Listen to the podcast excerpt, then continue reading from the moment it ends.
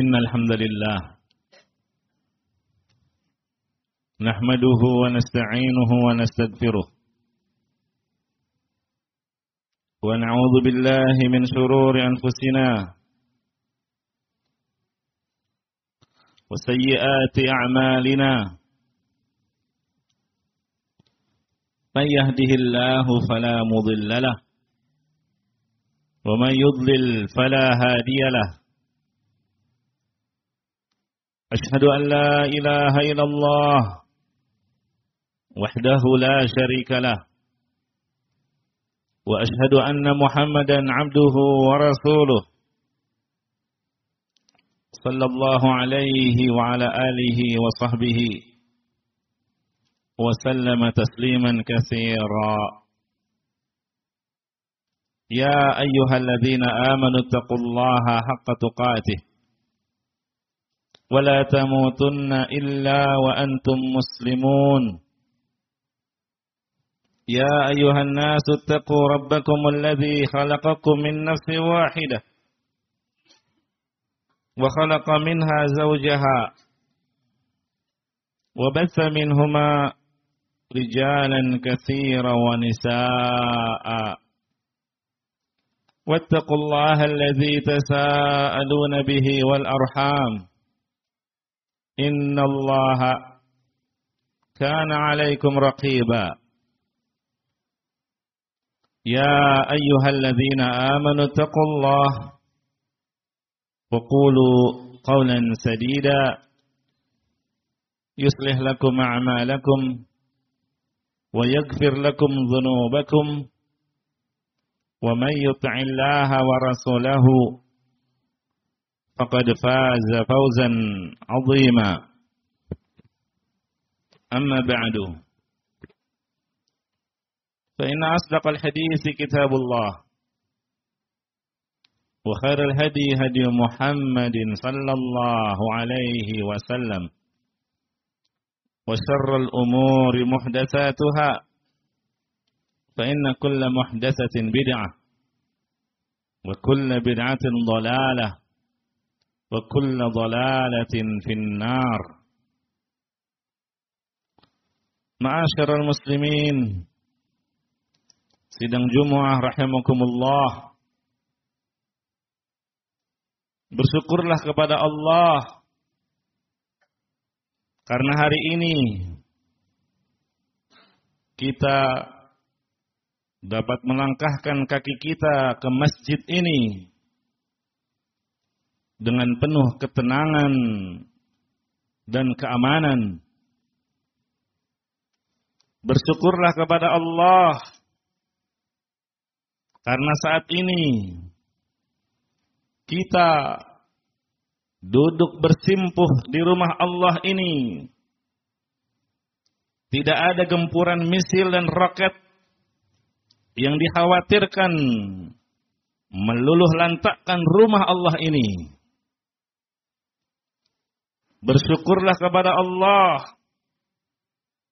Karena saat ini kita dapat khusyuk di dalam beribadah kepada Allah,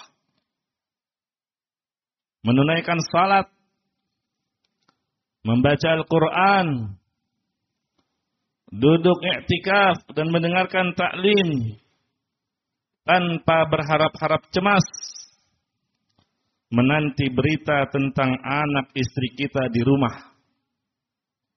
Tewaskah mereka akibat tertimbun rumah kita yang hancur berkeping-keping oleh serangan rudal yang tak terduga? Bersyukurlah kepada Allah karena saat nanti kita meninggalkan masjid ini masih ada tempat bernaung yang aman. Masih ada canda tawa buah hati kita dan masih ada sambutan hangat istri kita tercinta. Subhanallah. Betapa banyak nikmat Allah yang harus kita pertanggungjawabkan kelak di hari kiamat. Thumma latus'alunna yawma idzin 'anil na'im. Sungguh pada hari kiamat kalian akan ditanyai tentang semua nikmat yang telah kalian terima di dunia ini. Ma'asyiral muslimin, sidang Jumat rahimakumullah. Sekarang ini coba kita bayangkan apabila kota tempat kita tinggal ini berubah menjadi sebuah kota yang diisolir dari seluruh penjurunya menjadi sebuah penjara raksasa. Lalu tiba-tiba terdengar suara pesawat-pesawat jet tempur berputar-putar di atas atap rumah kita. Tempat istri kita tinggal.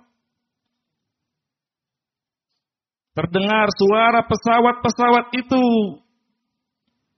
berputar-putar di atap masjid kita atap kantor tempat kita bekerja, atap sekolah, anak-anak kita.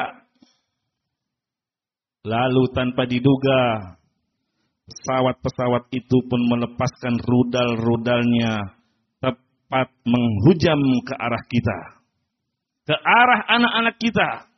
Dan tiba-tiba saja kita hanya mendengar berita anak dan istri kita terluka atau bahkan tewas akibat gempuran rudal-rudal itu. Bayangkanlah jamaah sekalian, jika nanti saat pulang ke rumah, kita hanya menemukan rumah tempat bernaung kita telah berubah menjadi onggokan puing-puing. Bayangkanlah Bila di antara puing-puing itu ada ayah kita, ibunda kita, ada istri tercinta kita, ada bayi mungil kita telah bersimbah darah. Tubuhnya ramuk, remuk hancur dan tak bernapas lagi. Bayangkanlah jamaah sekalian, jika malam nanti. Kita hidup dalam keadaan gelap gulita. Tak ada tempat bernaung. Tak ada makanan, tak ada minuman. Tak ada pakaian hangat untuk mengusir dingin. Dan tak ada lagi keluarga, tempat berbagi cerita dan duka. Lalu bayangkanlah jamaah. Bila itu semua kita lalui, dan pesawat-pesawat tempur jahat juga menghentikan gempurannya. Bahkan tak hanya itu, mereka justru diperkuat dengan tank-tank dan pasukan darat untuk menghancurkan, memborbardir, dan membinasakan kita semua. Dan bayangkanlah bagaimana perasaan hati Anda jika dengan semua penderitaan tiada tara itu, ternyata jarang orang peduli dengan kita. Dunia diam membisu, seolah-olah tak terjadi apa-apa di kota ini. Kira-kira jamaah sekalian, seperti apakah perasaan hati Anda jika Anda mengalami semua penderitaan dan kebiadaban itu, nas'alullah assalam wal afiyah. Kaum muslimin, sidang Jum'ah rahimakumullah, itulah situasi dan kondisi yang dialami oleh saudara-saudara kita saat ini.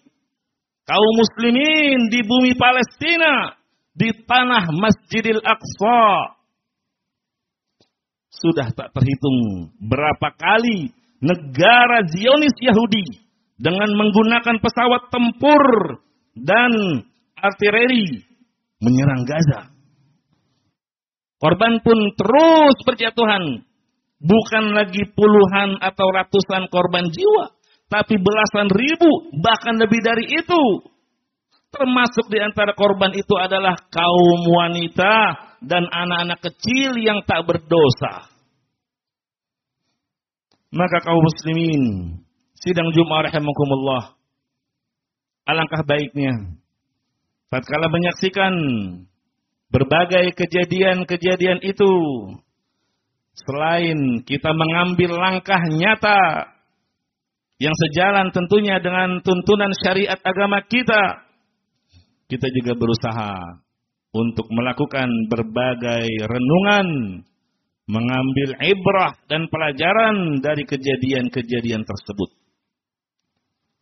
renungan yang pertama peristiwa tersebut semakin menyadarkan kita akan besarnya permusuhan orang-orang Yahudi terhadap kaum muslimin. Dan Allah Subhanahu wa taala telah mengingatkan hal tersebut dalam firman-Nya. La tajidanna la tajidanna ashaddan nasi adawatan lil ladzina amanu al yahuda wal ladzina asyraku. Sungguh kalian akan dapati orang-orang yang paling keras permusuhannya terhadap orang-orang yang beriman ialah orang-orang Yahudi dan musyrikin. Surat Al-Maidah ayat 82. Lihatlah dalam ayat ini. Bagaimana Allah Subhanahu wa taala mendahulukan penyebutan Yahudi daripada musyrik dalam hal permusuhan mereka terhadap umat Islam.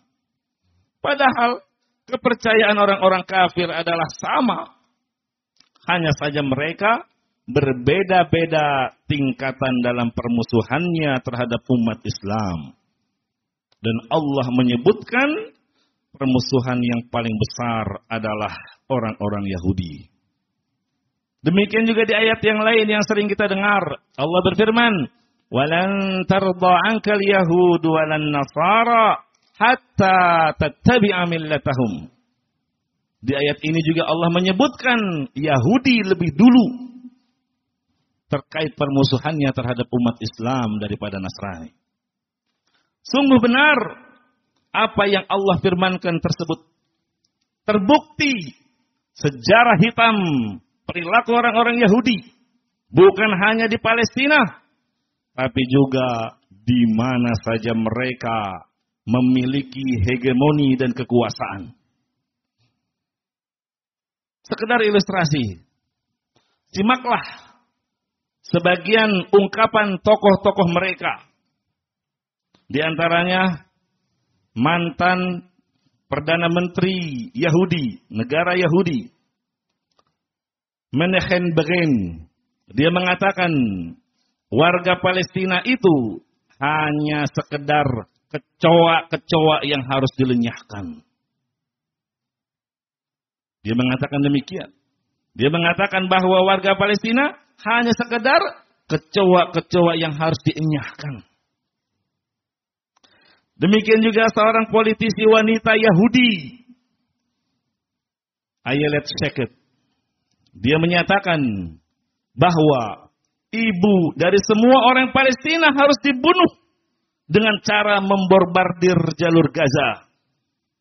Syeket mengatakan pembantaian terhadap para ibu Palestina itu dilakukan demi menghindarkan lahirnya ular-ular kecil kata dia. Begitulah hadirin. Secuil contoh dari ungkapan kebencian mereka yang menunjukkan bahwa substansi permusuhan Yahudi terhadap Islam adalah masalah agama. Bukan permusuhan yang menyangkut perebutan tanah atau perebutan wilayah atau perebutan perbatasan atau perebutan air sebagaimana opini yang mereka kembangkan di tengah umat. Bukan masalah itu, tapi karena persoalan yang menyangkut akidah dan umat Islam. Renungan yang kedua. Kaum muslimin sidang Jumat rahimakumullah menyuarakan kebencian terhadap Yahudi akan mandul jika tidak diiringi dengan langkah nyata dalam kehidupan kita sehari-hari. Jika kita mencermati jamaah berita tentang ungkapan kebencian kaum muslimin terhadap kaum Yahudi, lalu kita bandingkan dengan realita kehidupan mereka sehari-hari, niscaya masih banyak kita dapatkan kontradiksi antara keduanya. Masih banyak di antara mereka berteriak sekeras-kerasnya mengutuk perilaku Yahudi. Namun anehnya mereka masih mengidolakan tokoh-tokoh Yahudi. Ada di antara mereka yang berdemo di jalan mengecam tindak kejam Yahudi. Namun ternyata dia masih mengidolakan bintang pemain sepak bola yang bangga dengan keyahudiannya. Ada yang membakar bendera negara Yahudi di lapangan. Namun ternyata dia mengagumi Daniel Radcliffe yang berperan sebagai Harry Potter. Padahal dia adalah seorang Yahudi tulen. Ada yang beraksi melaknat kebrutalan Yahudi. Namun ternyata ia masih menggemari film-film karya raksasa, produser perfilman Yahudi, Walt Disney, dan MGM. Serta masih akrab dengan tokoh-tokoh Donald Bebek, Mickey Mouse, dan Tom and Jerry. Tentunya hadirin fenomena ini amat memprihatinkan kita. Sebab begitu kontradiksinya antara ucapan dan perbuatan mereka. Seharusnya hadirin sidang Jumat rahimakumullah yang menjadi idola kita semua adalah tokoh-tokoh Islam. Mulai dari Nabi kita Muhammad sallallahu alaihi wasallam serta para sahabatnya ridwanullah alaihim ajma'in hingga para ulama salaf. Dan kegemaran kita seharusnya adalah membaca sejarah para tokoh-tokoh besar umat Islam ini. Kaum muslimin sidang Jumat rahimakumullah. Suatu hari Imam Ahmad bin Hanbal rahimahullah pernah ditanya, "Bolehkah berjual beli dengan musuh?" Maka Imam Ahmad menjawab, "Jangan. Jangan membeli dari pihak musuh yang memerangi kaum muslimin." Maka hadirin, sudah seyogianya kaum muslimin sesuai kemampuan masing-masing mulai mengurangi ketergantungan terhadap produk-produk kaum Zionis. Apalagi perusahaan yang terang-terangan membantu Yahudi penjajah. Alhamdulillah pemerintah kita. Pemerintah Indonesia melalui statement Menteri Perdagangan telah mempersilakan masyarakat untuk memboikot produk pro-Yahudi sebagai langkah nyata kebencian kita terhadap mereka. Kemudian renungan yang ketiga. Musibah yang menimpa kita ini merupakan hasil dari perbuatan kita sendiri. Banyak dalil yang menegaskan hal ini. Di antaranya firman Allah Ta'ala, Ma asabaka min hasanatin famin Allah, wa ma asabaka min sayyiatin famin nafsik. Kebajikan apa pun yang kamu peroleh adalah dari sisi Allah. Dan keburukan apa pun yang menimpamu itu dari kesalahan dirimu sendiri. Surat An-Nisa ayat 79. Maka berdasarkan ayat ini, tatkala musibah datang silih berganti dan tidak henti-hentinya menimpa kaum muslimin, sikap yang tepat adalah introspeksi dan mawas diri. Dosa apa yang telah kita perbuat. Dan kewajiban apa yang telah kita lalaikan selama ini. Lalu kita berusaha untuk memperbaiki kekurangan-kekurangan tersebut. Sehingga lambat laun kondisi kita akan semakin membaik. Dan pertolongan Allah pun akan segera diturunkannya. Kemudian Renungan yang keempat, solusi terbaik untuk mengakhiri berbagai musibah adalah dengan kembali kepada agama Allah secara kafah. Sungguh hadirin, fenomena keterpurukan umat Islam dan dijadikannya mereka sebagai bulan-bulanan para musuh. Sebenarnya telah dikabarkan oleh Rasulullah sallallahu alaihi wasallam sejak 14 abad silam beliau sallallahu alaihi wasallam bersabda yushikul umam an tada'a alaikum kama tada'a al-akalatu ila qas'atiha akan datang suatu masa di mana musuh-musuh akan bersatu padu dan berlomba-lomba untuk memerangi kalian. Sebagaimana berebutnya orang-orang yang sedang menyantap makanan di atas nampan. Kemudian salah seorang sahabat bertanya, "Wa min qillatin nahnu yauma'id?" Apakah karena saat itu jumlah kami sedikit ya Rasulullah? Qala bal antum yawma idzin katsir walakinnakum gusaun ka gusais. Bahkan saat itu jumlah kalian sangat banyak. Namun banyaknya kalian hanya bagaikan buih di lautan. Namun kemudian Rasulullah Sallallahu Alaihi Wasallam pun tidak lupa untuk memberikan solusi guna mengakhiri keterpurukan ini. Beliau bersabda, Sallallahu alaikum dhulla la yanzi'uhu hatta tarji'u ila dinikum.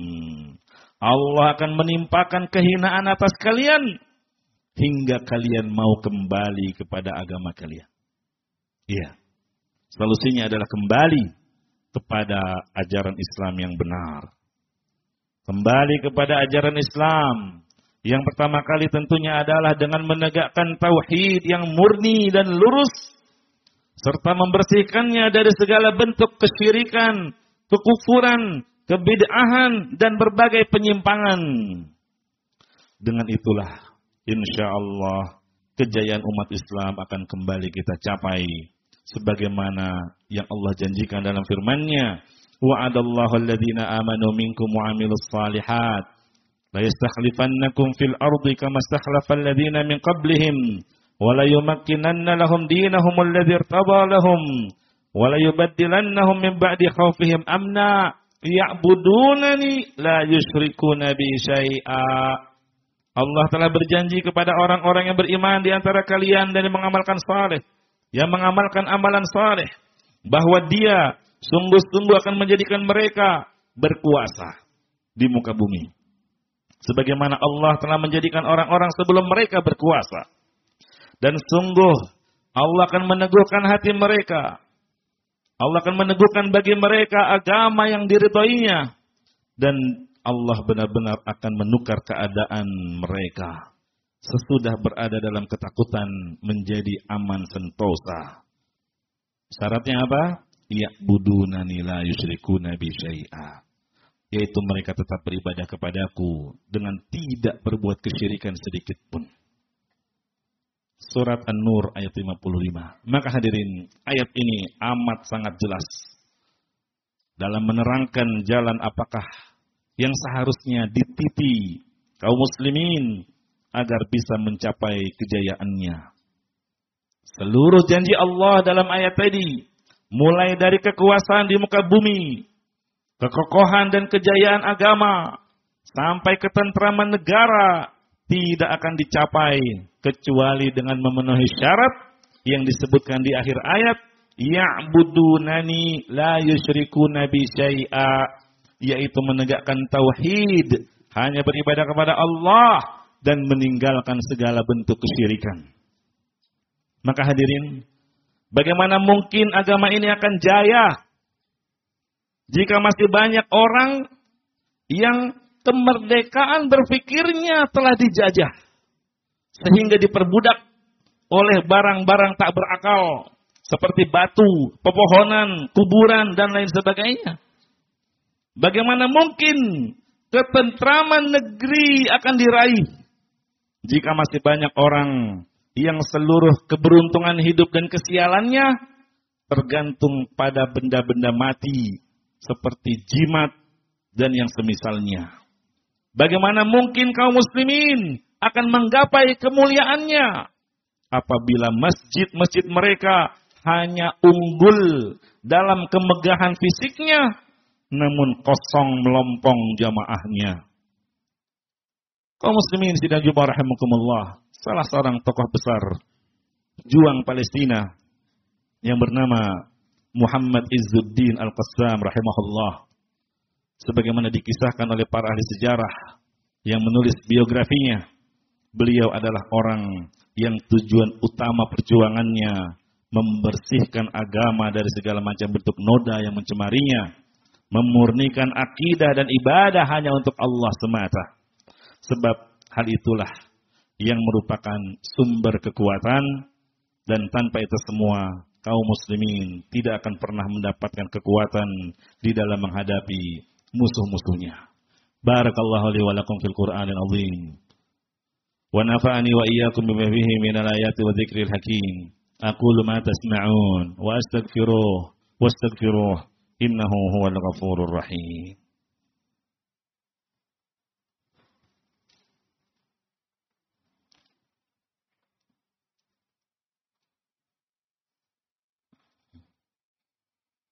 الحمد لله حمدا كثيرا طيبا مباركا فيه كما يحب ربنا ويرضاه أشهد أن لا إله إلا الله وحده لا شريك له وأشهد أن محمدا عبده ورسوله صلى الله عليه وعلى آله وصحبه وسلم تسليما كثيرا. أما بعد renungan yang terakhir yang kelima kita tentunya berkewajiban untuk membantu saudara-saudara kita di Palestina dengan tindak nyata. Tentu menurut kemampuan masing-masing. Tidak diragukan lagi bahwa penduduk Palestina betul-betul mengalami cobaan yang amat berat. Maka kita selaku saudara sesama muslim memiliki kewajiban bersolidaritas turut membantu mereka Sebagaimana firman Allah, wa in istansarukum fid din nasr. Jika mereka minta pertolongan kepada kalian dalam urusan pembelaan agama, maka kalian wajib untuk memberikan pertolongan kepada mereka. Surat Al-Anfal ayat 72. Maka hadirin, masing-masing dari kita tentunya membantu sesuai kemampuannya dan kapasitasnya. Para penguasa dan diplomat berusaha memberikan presur dan tekanan kepada negara Yahudi. Orang-orang yang dikaruniai kelapangan rezeki berusahalah mengerahkan bantuan finansial untuk saudara-saudara kita di Palestina. Sungguh hadirin, saudara-saudara kita di sana, terutama warga Gaza, didera krisis akibat blokade negara Yahudi mulai dari krisis makanan, minuman, listrik, hingga obat-obatan, maka bisa jadi satu rupiah yang kita infakkan berubah menjadi perisai yang akan melindungi tubuh kita dari api neraka kelak. Sedangkan mereka yang tidak memiliki kemampuan kecuali doa. Jangan pelit untuk mendoakan saudara-saudara kita. Jangan sekali-kali menganggap remeh bantuan berupa doa. Betapa banyak pasukan-pasukan raksasa yang hancur berkeping-keping dengan rintihan doa seorang hamba Allah yang taat beribadah di sepertiga malam terakhir. Terlebih lagi hadirin pemerintah kita melalui Bapak Menteri Agama telah menyerukan kepada imam-imam masjid kaum muslimin untuk melakukan kunut nazilah di dalam salat-salat berjamaah yang mereka kerjakan guna mendoakan saudara-saudara kita di Palestina. Dan ketahuilah hadirin bahwa doa memiliki kekuatan yang amat besar. Allah Subhanahu wa taala Maha Kuasa untuk menolak setiap bahaya yang mengancam masjidnya dan hamba-hambanya.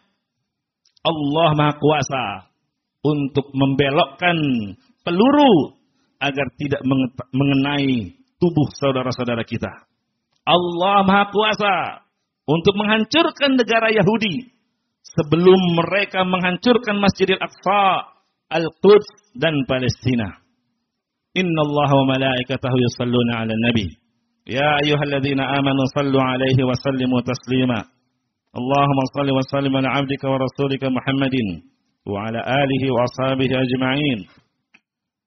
اللهم عن الخلفاء الراشدين أبي بكر وعثمان وعلي وعن جميع الصحابة وتابعين لهم بإحسان إلى يوم الدين. اللهم يا ربنا إنا نتوسل إليك بأسمائك الحسنى وصفاتك العلى.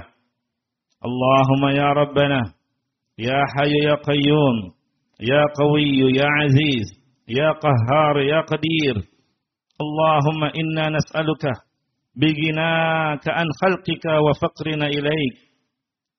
اللهم إنا نسألك بقوتك وضعفنا إلا بك. اللهم إنا نسألك بقدرتك وعجزنا إلا بك. لا حول لنا ولا قوة إلا بك.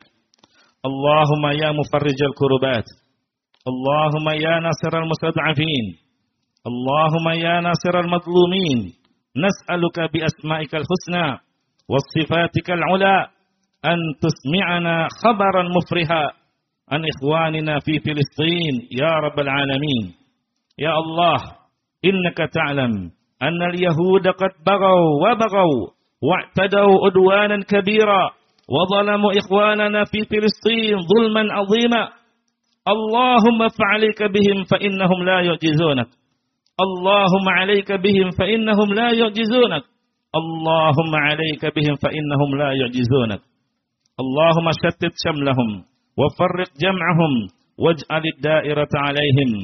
اللهم أحصهم عددا واقتلهم بددا ولا تغادر منهم أحدا.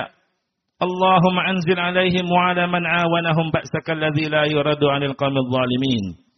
اللهم أنجي إخواننا المسلمين المستضعفين في فلسطين. اللهم الطف بهم وارحمهم وأخرجهم من الضيق والحصار. اللهم تقبل منهم الشهداء. واشف منهم المرضى والجرحى.